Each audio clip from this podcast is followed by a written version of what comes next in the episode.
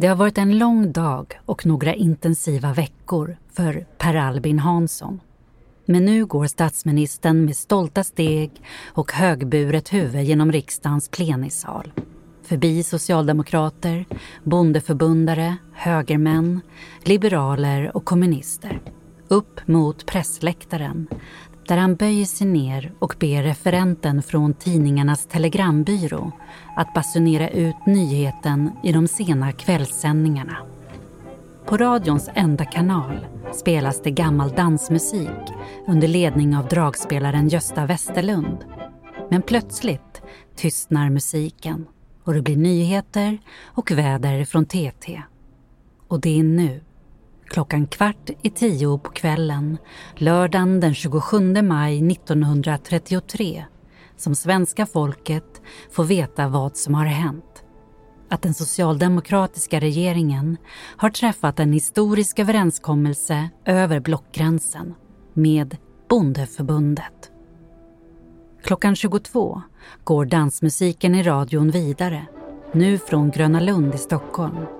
Under tiden har den socialdemokratiska finansministern Ernst Wigfors och några partikamrater gått ner till riksdagens restaurang.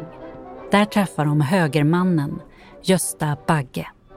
Ni vann, säger Bagge. Och visst har de vunnit, Socialdemokraterna. Regeringen kan sitta kvar. Krispolitiken kan rullas ut och folkhemmet byggas. Och Bagge han tillhör förlorarna. För det ska dröja 58 år innan en högerledare blir statsminister igen. Det här är berättelsen om krisuppgörelsen 1933. Eller kohandeln som den brukar kallas. En kompromiss som säkrade ett 44-årigt socialdemokratiskt regeringsinnehav som bäddade för välfärdsstaten och kanske rent av räddade demokratin.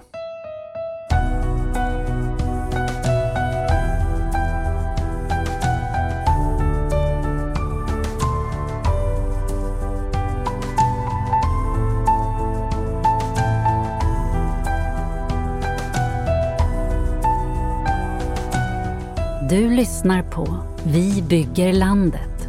En podcast om arbetarrörelsens historia med Kent Werne.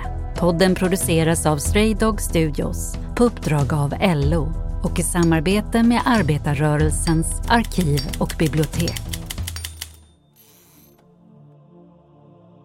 När nyheten om krisuppgörelsen spreds den 27 maj 1933 så var det i grevens tid. Eller i alla fall i en väldigt osäker tid. Sverige och resten av världen hade fallit ner i en djup ekonomisk depression. Samtidigt var den parlamentariska demokratin på dekis och fascismen på frammarsch i flera länder. I Tyskland hade Adolf Hitler kommit till makten och nazisternas grepp om landet hårdnade för varje dag.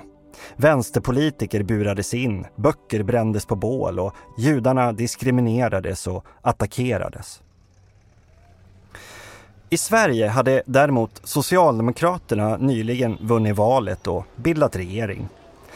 Men det var en minoritetsregering som ännu inte hade lyckats få igenom det krisprogram man hade gått till val på. Och risken var stor att det skulle sluta som det hade gjort tidigare. Att regeringen föll. Och det fanns förstås de som ville fälla sossarna.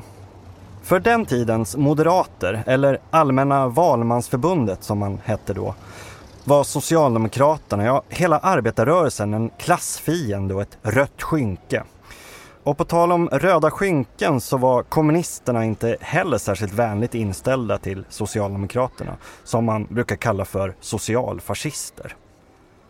Men alla partier var inte lika fientliga. Det fanns, visade sig, en liten öppning för samtal.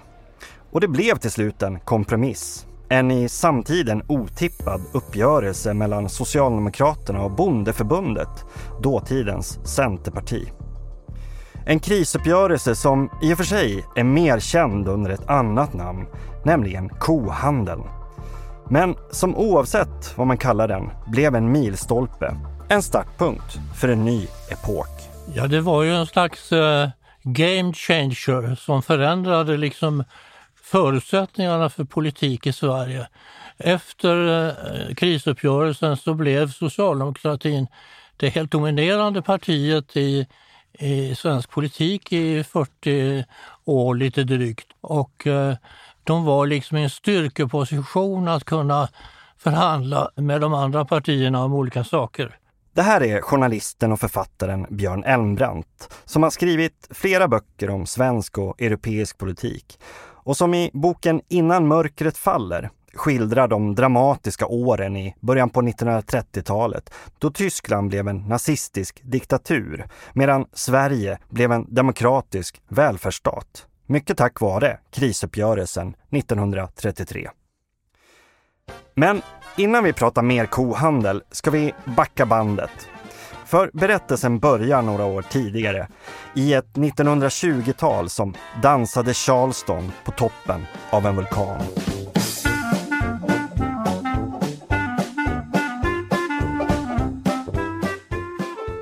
Det brukar kallas det glada 20-talet. Och visst var det livat på sina håll. Inte minst på Wall Street i New York där aktiekurserna pekade uppåt i flera år. Men i oktober 1929 slutade både spekulationsyran och det glada 20-talet i en våldsam börskrasch som rev med sig hela världsekonomin ner i en djup kris, ja i en depression. USA drabbades förstås hårt, men också Europa och särskilt Tyskland som redan var tyngt av ett krigsskadestånd från första världskriget och som hade lånat stora summor av amerikanska banker och nu krävde bankerna tillbaks pengarna. I Tyskland växte arbetslösheten från 8 procent 1928 till 22 procent 1930 och 34 procent 1932. I Sverige steg den från nog så höga 10 till 12 procent under slutet av 20-talet till en toppnotering på över 23 procent 1933. Det innebar att nästan var fjärde fackligt ansluten svensk arbetare gick utan jobb och inkomst. Björn Elmbrandt berättar. Ja, det är framförallt en arbetslöshet som når väldigt höga nivåer. Och man kan ju säga då att arbetslösheten, eh, det var ju inte bara det att man inte hade arbete. Det betyder ofta trångboddhet. Man kunde inte klara hyran. Man var tvungen att bo hemma hos mamma. Unga par som var förälskade kunde inte gifta sig för det gick inte på grund av ekonomin. Och det fanns en hungersnöd. Man måste komma ihåg att det var folk hungrade, eh, speciellt i Tyskland. Och eh, förtroendet för samhället, att samhället skulle kunna fixa det här, det försvann nästan helt och hållet. Ja, med massarbetslösheten följde hopplöshet och med den en växande misstro. Demokratin tycktes handlingsförlamad. Den verkade inte fungera, kunde inte leverera. Inte minst i Tyskland var det så, där Weimarrepubliken underminerades av svaga minoritetsregeringar som kom och gick och av ständiga konflikter, av politiskt våld och av antidemokratiska krafter. Till vänster växte kommunisterna och till höger marscherade nazisterna. Och när arbetslösheten bredde ut sig i början på 30-talet blev allt fler tyskar öppna för nazismens utpekande av syndabockar och irrationella löften om allt till alla. Goebbels som var en ledande nazistisk agitator, han kunde till exempel säga ett eller samma tal att nu skulle bönderna ges mer betalt och nu ska Eh, bagarna får mer betalt för det bröd de bakar och sen ska konsumenterna få billigare bröd och hur de här liksom olika leden hängde ihop. Det. Men man kan säga att folk eh, eh, efter ett tag när desperationen och hade sjunkit tillräckligt långt ner så var man 17 i att de här sakerna inte hängde ihop. I Sverige var det kanske inte lika illa, men även här krisade demokratin. Precis som i Tyskland var det parlamentariskt kaos med hoppande majoriteter och ständiga regeringsskiften. Och det var något som särskilt plågade Socialdemokraterna som hade varit med och genomfört den allmänna rösträtten och som nu ville förändra samhället i socialistisk riktning. Man ville reformera arbetsmarknaden, utjämna klassklyftorna och rent av socialisera delar av näringslivet. Men av det här blev det lite och ingenting. Och efteråt skulle man inom socialdemokratin prata om 1920-talet som de förlorade åren. 20-talet utmärks av att på eh, 15 år ungefär så hade vi tio regeringar som var och en satt ett och ett halvt år var. Och det, det tyder ju inte på någon större handlingskraft utan en småttighet i politiken. Man var inte beredd att kunna genomföra de stora övergripande sociala reformerna som nödvändigt. Och det här berodde på att eh, eh, Liberalerna, som då hette de frisinnade, hade ju varit en väldigt eh, fin draghjälp till Socialdemokraterna för att genomföra den allmänna rösträtten. Men sen eh, när den allmänna rösträtten väl var genomförd så lutade man sig åt höger istället och gjorde upp i ett antal små frågor med Allmänna valmansförbundet som högern kallade på den tiden. De förlorade åren var att man liksom inte lyckades genomföra de stora sociala reformer som ändå fanns inbyggt i tankeverksamheten någonstans. I riksdagsvalet 1928 åkte dessutom Socialdemokraterna på en rejäl nit då man backade från 41 till 37 procent och högern samtidigt gick framåt och bildade regering. En orsak till förlusten var att sossarna hade ingått ett valtekniskt samarbete med kommunisterna under den gemensamma beteckningen Arbetarepartiet, vilket öppnade upp för skrämselpropaganda från höger. På de numera ökända valaffischerna varnade högerorganisationen Sveriges nationella ungdomsförbund för att envar som röstar på Arbetarpartiet röstar på Moskva. Men också för familjebandens upplösning, barnens förvildning och sedernas förfall. Affischerna pryddes av ondskefulla ryska bolsjeviker och kosacker som plundrade svenskarna. Och valet 1928 skulle också gå till historien som just kosackvalet. Nederlaget blev samtidigt en vändpunkt för socialdemokratin. Partiet tänkte om och tänkte nytt. Man tog avstånd från kommunismen, tonade ner klasskampen, försökte bredda partiet och pratade mer om demokrati, jämlikhet och samförstånd. I bräschen för den här omprövningen gick partiledaren Per Albin Hansson som här i sitt klassiska folkhemstal från 1928 formulerar sitt mål, nämligen att göra samhället till det goda medborgarhemmet, ett demokratiskt folkhem. Hemmets grundval är gemensamheten och samkänslan. Det goda hemmet känner icke till några privilegierade eller tillbakasatta, inga kelgrisar och inga styvbarn. Där ser icke den ene ner på den andra, där försöker, ni, försöker ingen skaffa sig fördel på andras bekostnad. Den starke trycker icke ned och plundrar den svage. I det goda hemmet råder likhet, omtanke, samarbete, hjälpsamhet.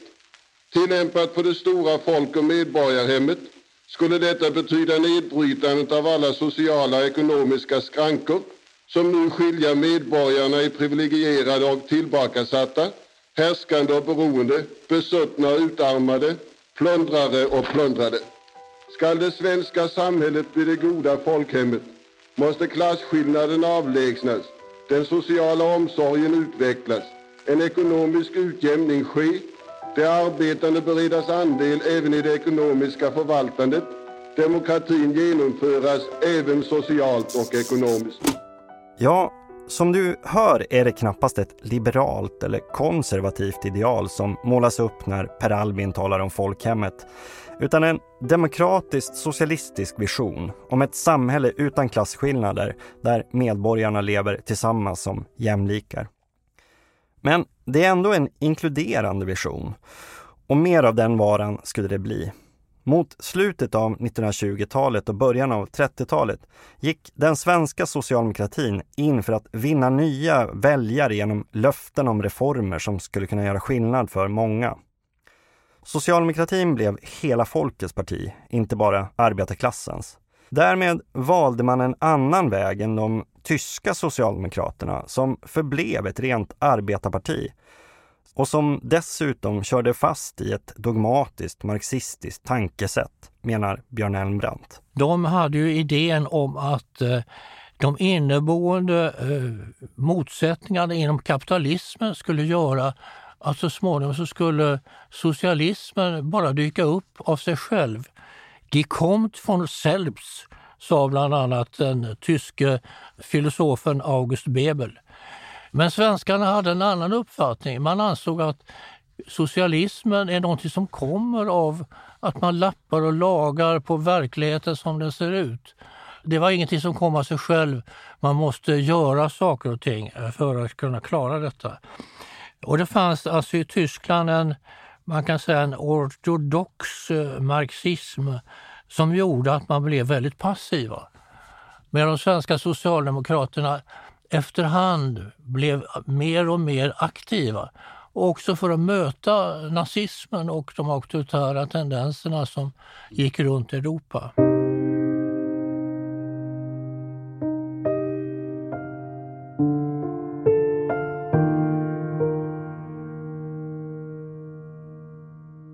Ja, de svenska socialdemokraterna tänkte nytt. Inte minst kring den ekonomiska politiken.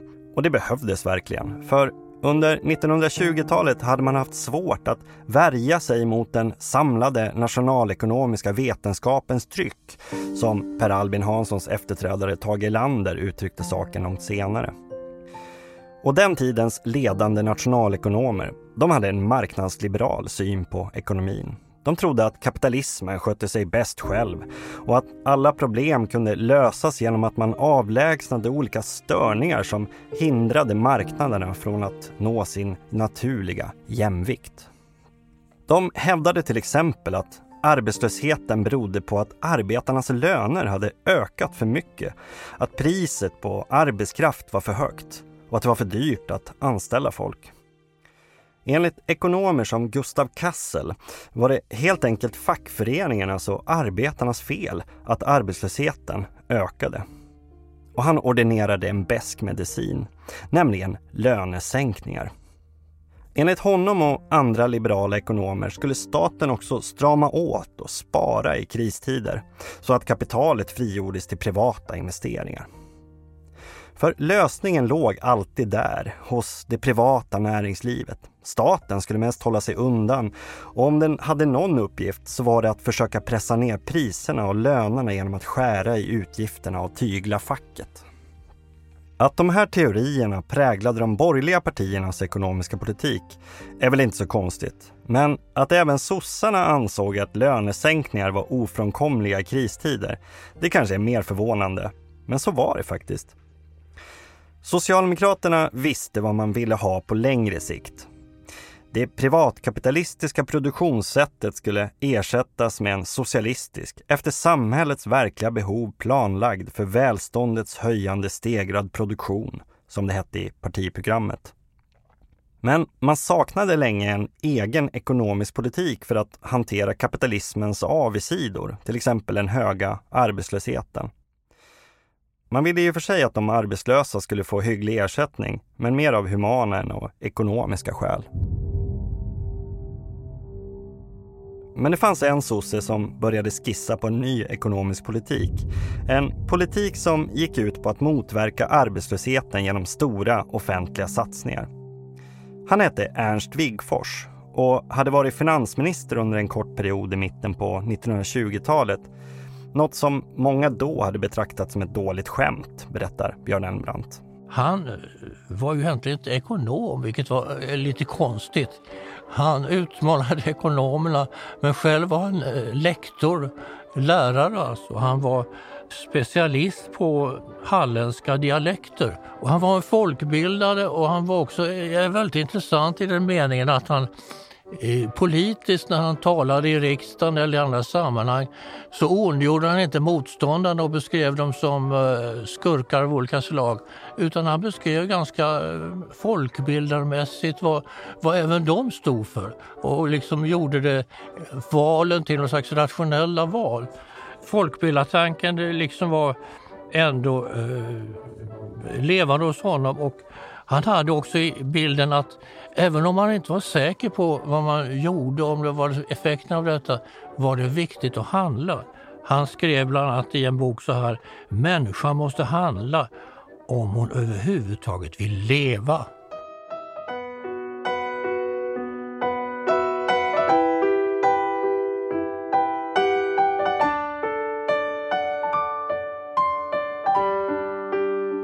Redan i mitten av 20-talet började Wigfors tänka i nya banor. Att kriser med hög arbetslöshet egentligen beror på underkonsumtion och inte på att lönerna blivit för höga och att folk levt över sina tillgångar. Och i en artikel i den socialdemokratiska tidningen Tiden 1928 med rubriken Spararen, slösaren och den arbetslöse skrev han att överdriven sparsamhet lätt ledde till en nedåtgående spiral med minskad efterfrågan på varor, minskad efterfrågan på arbetskraft, ökad arbetslöshet, minskad köpkraft och ytterligare minskad efterfrågan på varor och arbetskraft. Nej, egentligen borde vi slösa i kristider, menade han och ge folk arbete genom att låta pengarna rulla. För en arbetslös som får jobb och lön kan också köpa det som tillverkas och då kan företagen anställa fler och så kommer ekonomin igång igen. Och när företagen inte investerar utan låter kapitalet ligga på kistbotten, ja då måste staten satsa istället, enligt Wigfors. Och så kom då börskraschen i New York med bankkris och depression. Och det blev inte bättre av att politikerna följde de liberala ekonomernas recept och stramade åt statsfinanserna och ströp penningflödet. Något som uppenbarligen inte löste problemen utan istället förvärrade krisen. Efterfrågan föll som en sten och arbetslösheten skenade överallt.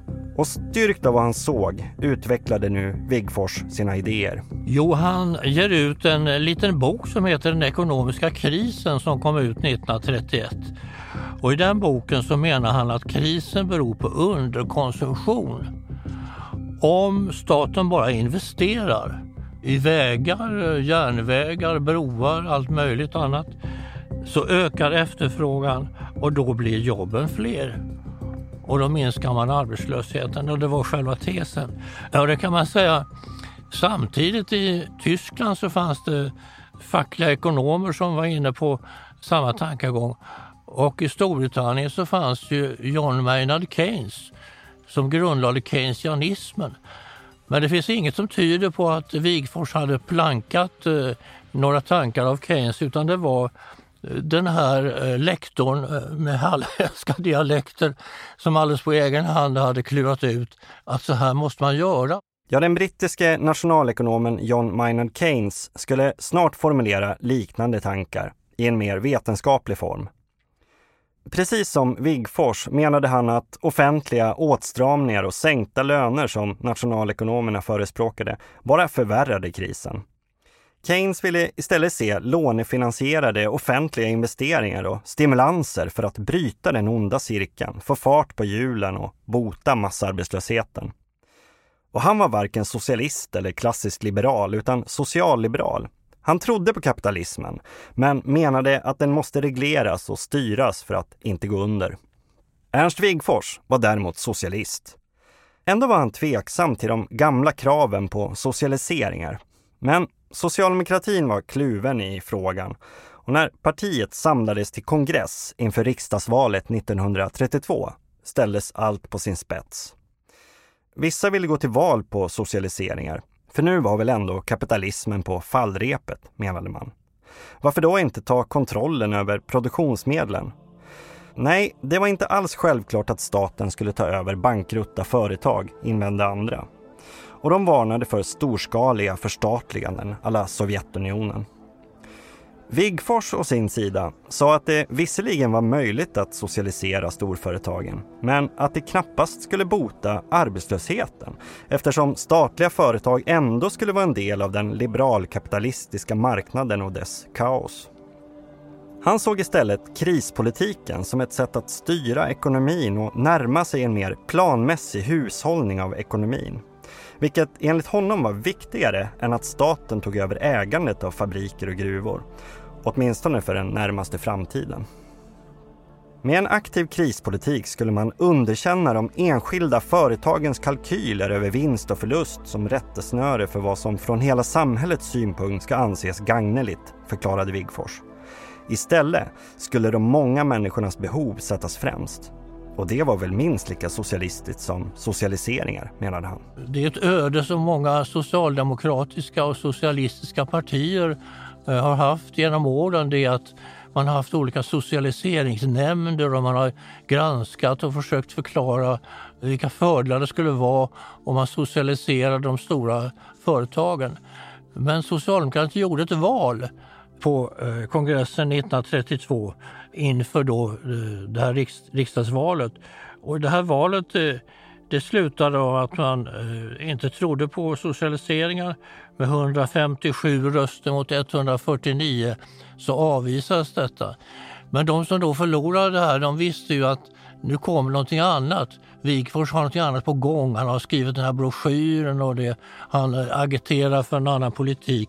Så att det var ju inte någon, någon väldig depression som, som vilade över de förlorarna. Men en depression vilade däremot över Sverige och resten av världen.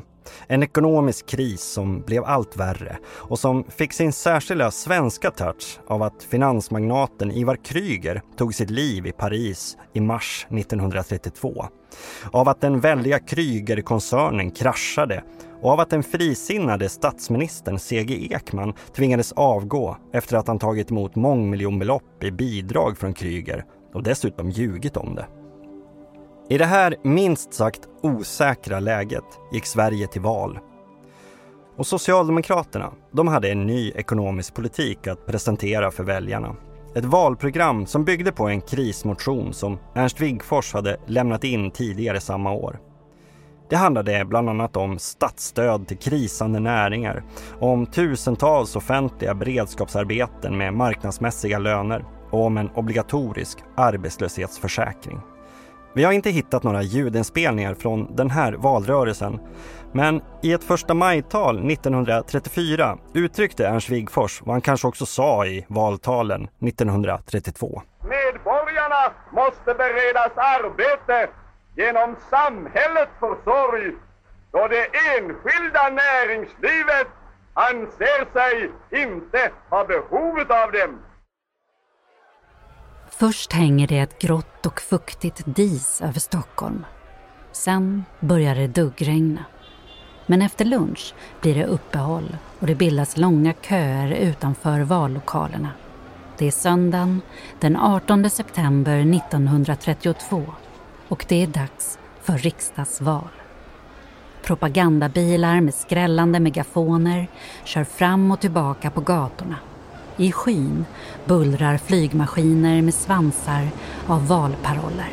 På radion har folk för första gången kunnat lyssna på debatter och på biografen har de sett partiernas valfilmer. Det är en ny tid med ny teknik som utnyttjas fullt ut. Inte minst av Socialdemokraterna som har trummat ut sitt budskap i veckor. Arbete åt alla ökad köpkraft.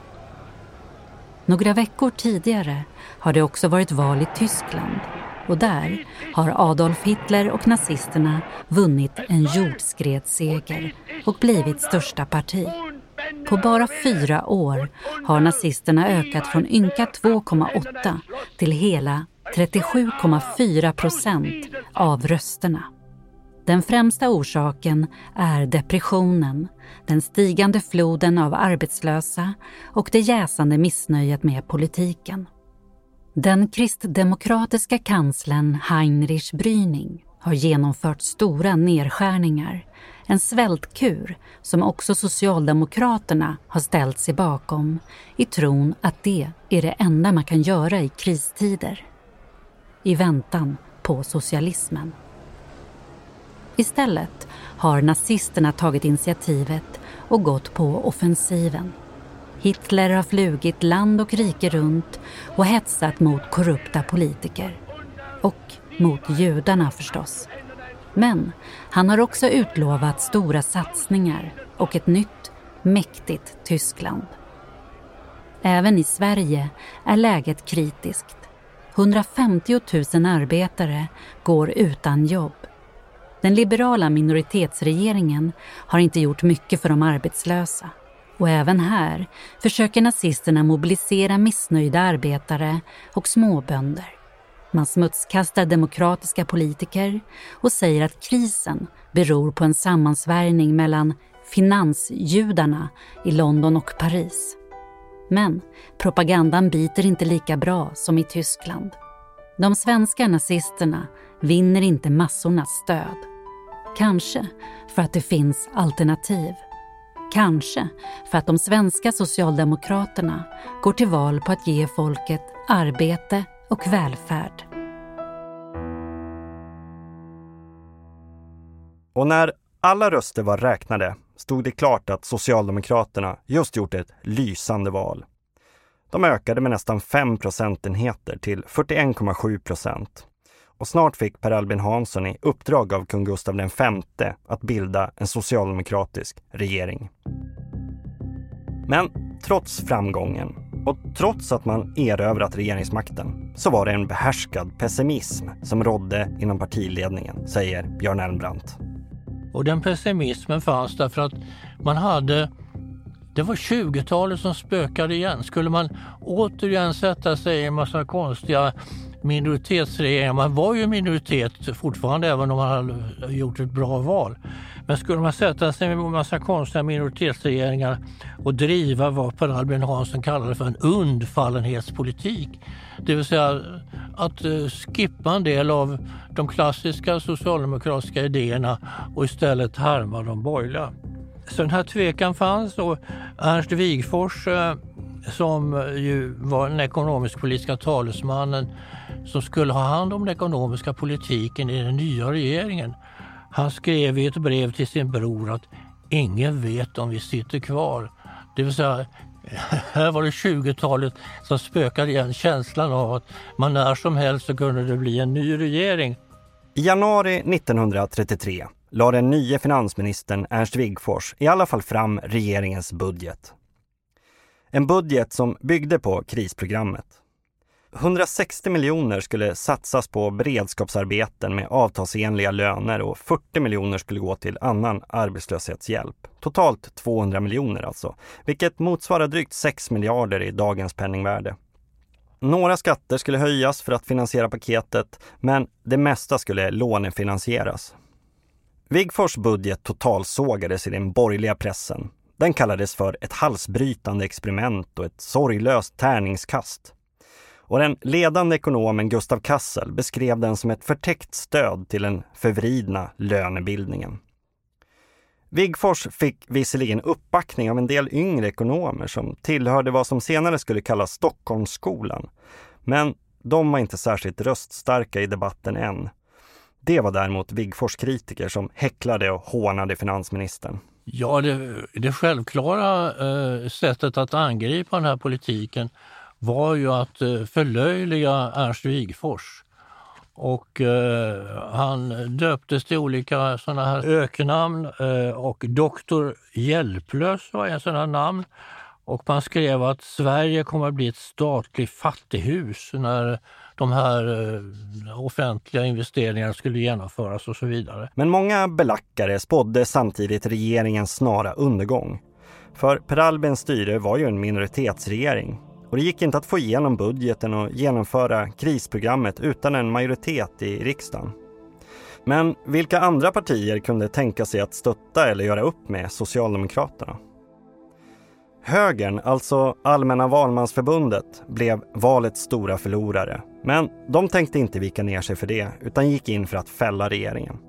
Och till vänster fanns det inte mycket mer att hämta. Ett samarbete med kommunisterna var uteslutet och det skulle hur som helst inte räcka för att säkra en majoritet i riksdagens båda kammare. Nej, Per Albin var istället inställd på en uppgörelse med mittenpartierna. Antingen med de frisinnade, alltså Liberalerna, eller med dåtidens centerpartister, Bondeförbundet. Men till en början satte sig bägge partierna på tvären. De frisinnades nya partiledare, den förre finansministern Felix Hamrin, var inte alls sugen på att sätta sig i samma båt som sossarna och stödja en yvig finanspolitik. Men Bondeförbundet då? Jo, Socialdemokraterna hade faktiskt redan börjat flörta Kanske inte med bondeförbundet i sig, men med bönderna, i alla fall med småbönderna. Som en del av Per Albins strategi att bredda socialdemokratin, skapa samförstånd och se till gemensamma intressen. En av Socialdemokraternas paroller i valrörelsen hade också varit “arbetarnöd är bondenöd”. Och en del av krisprogrammet riktades till bönderna. För även de hade ju drabbats hårt av fallande priser och på många håll var det nog nöd.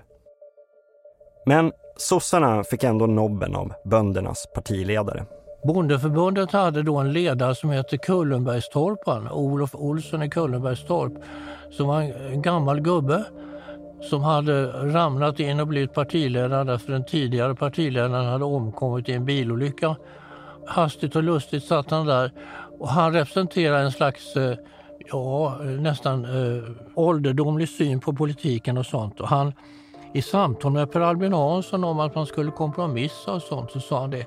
Jag kan inte tänka mig att jag vill avsluta min politiska karriär med att göra upp med Satan. Och Satan, det var alltså socialdemokratin. Nu hade inte alla bondeförbundare en lika svartvit syn. Vissa var mer kompromissvilliga och pragmatiskt lagda. En av dem var Axel Persson Bramstorp, en stor och bullrig betodlare från Skåne som hade varit liberal riksdagsman men som nu var en uppåtstigande stjärna inom bondeförbundet och som snart också skulle bli partiledare. Och för de mer kompromissvilliga fanns det samtidigt inspiration att hämta från Danmark, där den socialdemokratiskt ledda regeringen just kommit överens med bondepartiet Vänstre om en stor plan för offentliga arbeten och sociala reformer i utbyte mot en devalvering av den danska kronan, vilket skulle gynna exporten av jordbruksprodukter. Uppgörelsen har gått till historien som Kanslergärde-överenskommelsen eftersom den syddes ihop i statsministerns lägenhet på Kanslergärde i Köpenhamn. Och det var ju så att de hade suttit eh, socialdemokratiska statsministern och eh, de här eh, andra partierna som var väldigt mycket bönder i och förhandlat om eh, en stor krisuppgörelse. De hade suttit i 11 timmar. Och sen var de trötta och sen skulle de gå hem och så gick de ut i tamburen och satte på sig ytterkläderna. Torvald Stauning som statsministern hette, han gick till sin fru som låg och sov och, hon sa men ni måste väl göra någonting för att få dem att stanna. Ja, då visade det sig att det kanske fanns en flaska whisky i källaren. Och då gick hon ner i mörkret i källaren och eh, hittade den här flaskan och hällde upp den på en liten snyggare karaff och så gick då Stani till de här andra kamraterna som stod i tamburen och sa Ska vi inte ta en lille innan vi går? Och eh, det gjorde de. Och sen när de hade tagit en lille och kanske också två så, så gick de tillbaka och så efter två timmars förhandlingar så blev de överens om en eh, stor sån här uppgörelse som faktiskt eh, träffades samma dag som, som Hitler blev kansler.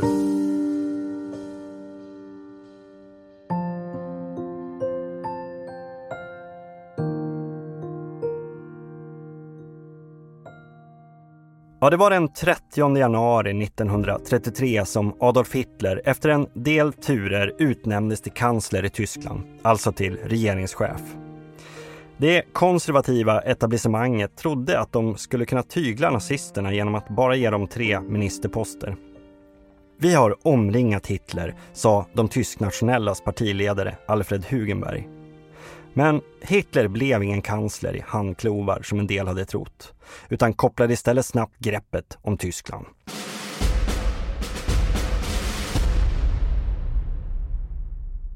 Sen gick det oerhört snabbt.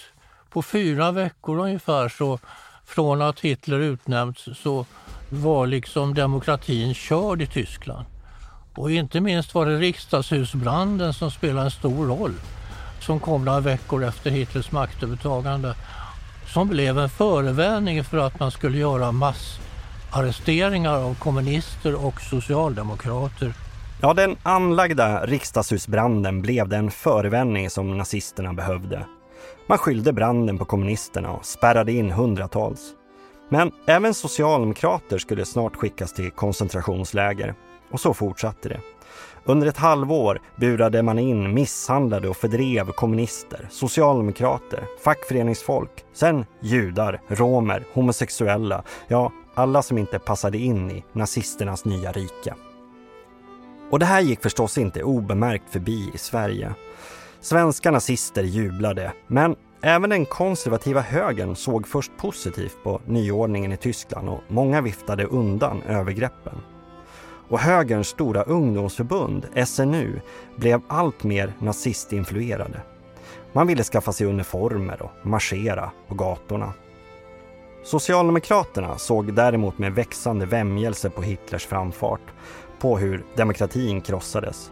Samtidigt nådde depressionen i Sverige sin djupaste dal med nästan 190 000 arbetslösa. Och det kändes allt mer akut att få igenom krisprogrammet. Socialministern Gustav Möller uttryckte nog vad många andra tänkte när han sa att ett positivt program i krisfrågorna vore det viktigaste i kampen mot fascismen. Per Albin Hansson höll med Möller och sa att demokratin räddas inte genom enbart propaganda. Viktigare är att den ger prov på sin förmåga att sörja för folket. Men om demokratin inte levererar så kan folket börja längta efter en stark ledare, en diktator, trodde Per Albin, som därför uppmanade till samverkan och samförstånd för att förhindra en tysk utveckling i Sverige. Det var alltså mycket mer som stod på spel än den socialdemokratiska regeringens vara eller inte vara. Inom arbetarrörelsen talades det om demokratins ödestimma. Samtidigt drog det ihop sig till drabbning mellan de borgerliga partierna och regeringen. Den 7 mars lades krispolitikens öde i händerna på ett utskott som utsågs av riksdagen. Ett utskott där borgarna var i majoritet. Och de var fast beslutna att skrinlägga budgeten och fälla regeringen.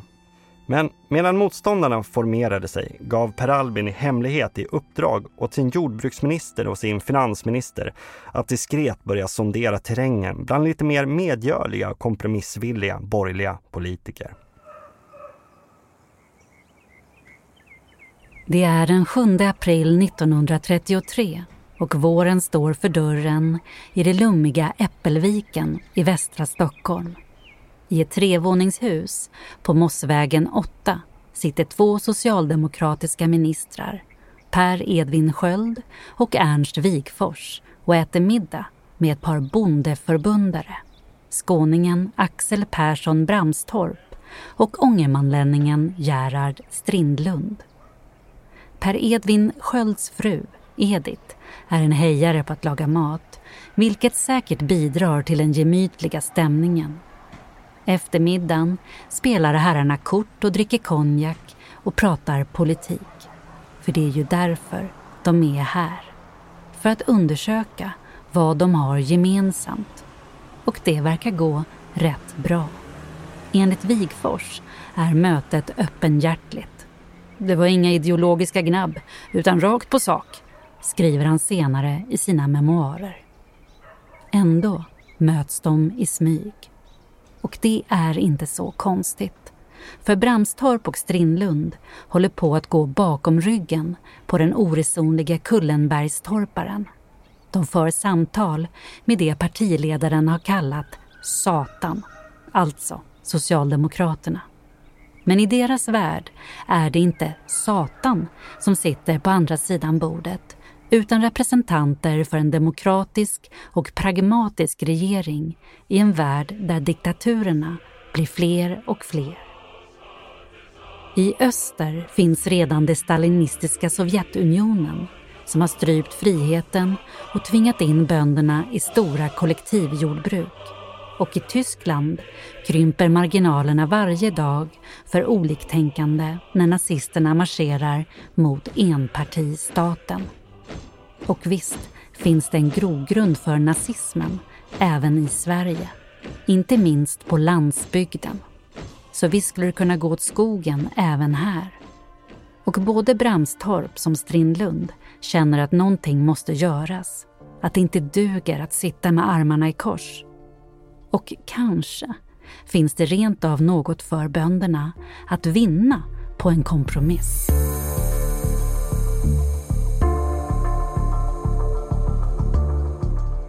Samtidigt som Socialdemokraterna demonstrerar på 1 maj 1933 läcker det ut att det förs hemliga samtal mellan sossar och kompromissvilliga bondeförbundare. Ändå pekar det mesta på ett svidande nederlag för regeringen. För det där utskottet som tillsatts för att avgöra krispolitikens öde ska rösta om saken den 4 maj. Men på något sätt lyckas Socialdemokraterna i utskottet få de borgerliga att skjuta upp voteringen.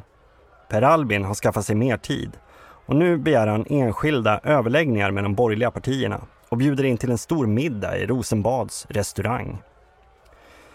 Under middagen lyckas Per Albin komma på god fot med den inflytelserike bondeförbundaren KG Westman som hittills har varit lojal med sin partiledare men som nu börjar vackla i motståndet mot krispolitiken.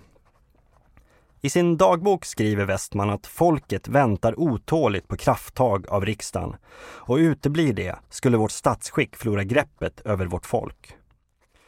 Och snart, i mitten av maj, lutar Bondeförbundets förtroenderåd åt att man ska göra upp med Socialdemokraterna om krispolitiken. Den gamle Kullenbergstorparen lämnar mötet besegrad, förbrukad och synbart skärrad över sveket. Samtidigt som KG Westman nu ensam tar hand om förhandlingarna med Socialdemokraterna. Några dagar senare åtar sig Westman att skriva ett förslag till kompromiss över helgen. Samma helg flaggar Per Albin Hansson för att regeringen är beredd att utlysa nyval om budgeten skulle falla. Ett taktiskt drag som sannolikt sätter press på tveksamma bondeförbundare. Men det blir inget nyval. Den borgerliga enigheten spricker, motståndet veknar och det öppnas för samverkan över blockgränsen. Fredagen den 26 maj mejslar istället Per Albin Hansson och KG Westman på egen hand ut en uppgörelse. På kvällen säger Bondeförbundets riksdagsgrupp ja till förslaget och på lördag eftermiddag den 27 maj säger också Socialdemokraternas riksdagsgrupp ja. Och då är vi tillbaks där det här avsnittet började. Med att Per Albin går med stolta steg upp mot riksdagens pressläktare för att meddela att regeringen har träffat en uppgörelse med Bondeförbundet. Och så, i ett slag, har allting förändrats. Nyheten om krisuppgörelsen slog ner som en bomb och ganska snart fick den ett slags öknamn som den inte har blivit av med, nämligen kohandeln. Björn Elmbrandt igen. Jag tror det var någon högertidning som hittade på det här med kohandel för att eh, beskriva det som lite tramsigt det här som skedde. Men eh, det är intressant, eh, själva kohandelssystemet, det är ju en byteshandel. Vanligen så görs politiska kompromisser, så skriver man sig samman om ett gemensamt dokument med gemensamma eh, formuleringar och så. Men kohandel innebär att man byter saker med varandra. Och i socialdemokratins fall innebar då kohandeln att man gav Bondeförbundet en accis på margarin som skulle gynna böndernas smörproduktion. Medan Socialdemokraterna fick eh, ett system med offentliga arbeten där de offentliga arbetena inte skulle ha a-kassa och liknande saker utan skulle ha avtalsenliga löner. Och det gav ju en viss, eh, för att ge liksom ekonomin en dragkraft och så vidare. Många bondeförbundare såg nog det hela som en affärsuppgörelse där man trots allt hade vunnit rätt mycket. Framförallt då att margarinet skulle beskattas så att det inte konkurrerade ut smöret. Men också annat som stöd till betodlare och köttproducenter. Och om det var en affärsuppgörelse så kostade den en hel del för Socialdemokraterna. Framförallt lämnades arbetslöshetsförsäkringen utanför. Men man fick ändå igenom kärnan i krispolitiken, nämligen en satsning på offentliga arbeten.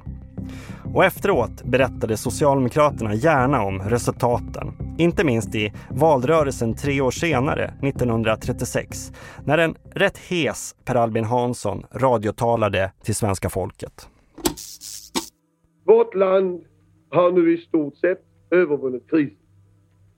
Man har länge talat om att vi befinner oss i en högkonjunktur. Förbättringen är också högst betydande.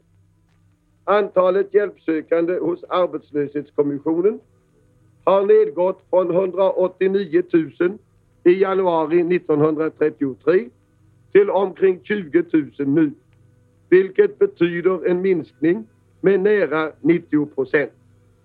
Jordbruket har räddats undan katastrof Näringslivet blomstrar. Med köpkraften återvänder skattekraften. Kommunerna har förbättrat sin ekonomi. Statens finanser är i utmärkt skick. Utländska bedömare betraktar vad som hänt hos oss nära nog som ett under. Sanningen är att Sverige klarat sig bättre än andra länder genom svårigheterna.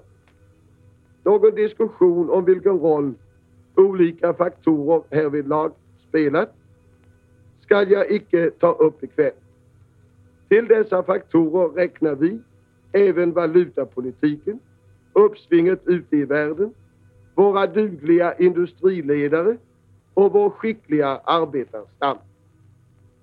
Men den viktigaste faktorn i vårt lands återhämtning var aktiviteten från det allmännas sida.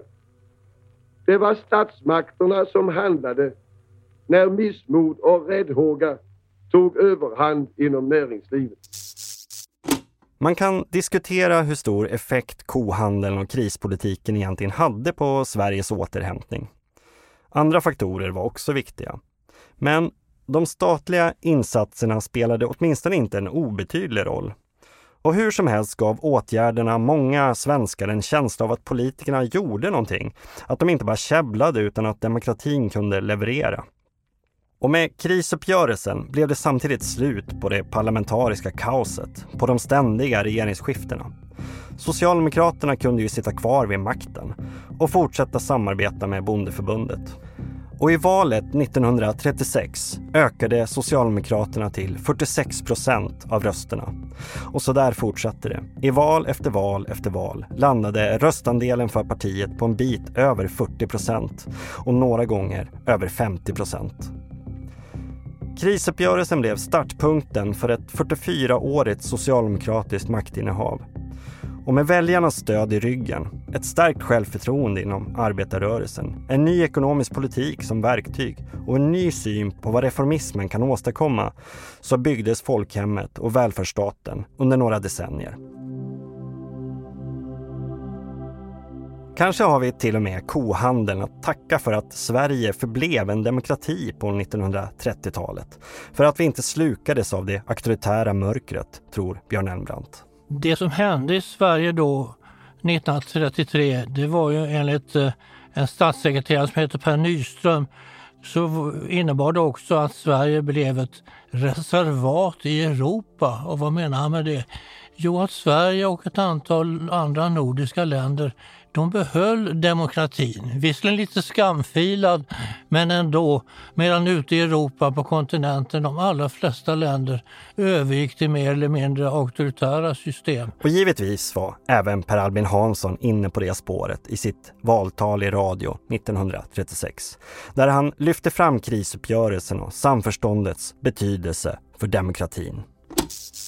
Medan i andra länder tillspetsade inbördesstrider föras eller folket hålles i förmynderskap av diktaturen har i Sverige utvecklingen kunnat fortlöpa i fredliga banor och framstegen göras i samverkan mellan olika samhällsgrupper. På socialdemokratiskt initiativ och under socialdemokratisk ledning har de senaste årens gagnande samförståndspolitik kommit till stånd och kunnat genomföras. Genom en politik som i det mångas bästa ser det helas väl bindes också folket vid landet och lägges den varaktigt bärande grunden för värnet om vår fred och frihet.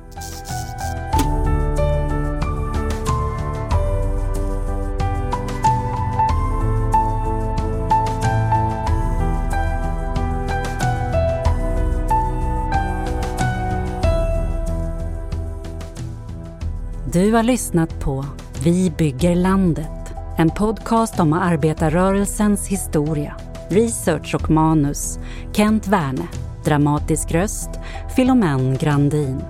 Inspelat, redigerat, ljudlagt och mixat av Jens Back i Stray Dog Studios.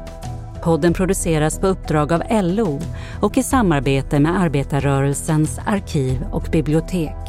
Du hittar fler avsnitt i serien på LOs hemsida eller där poddar finns.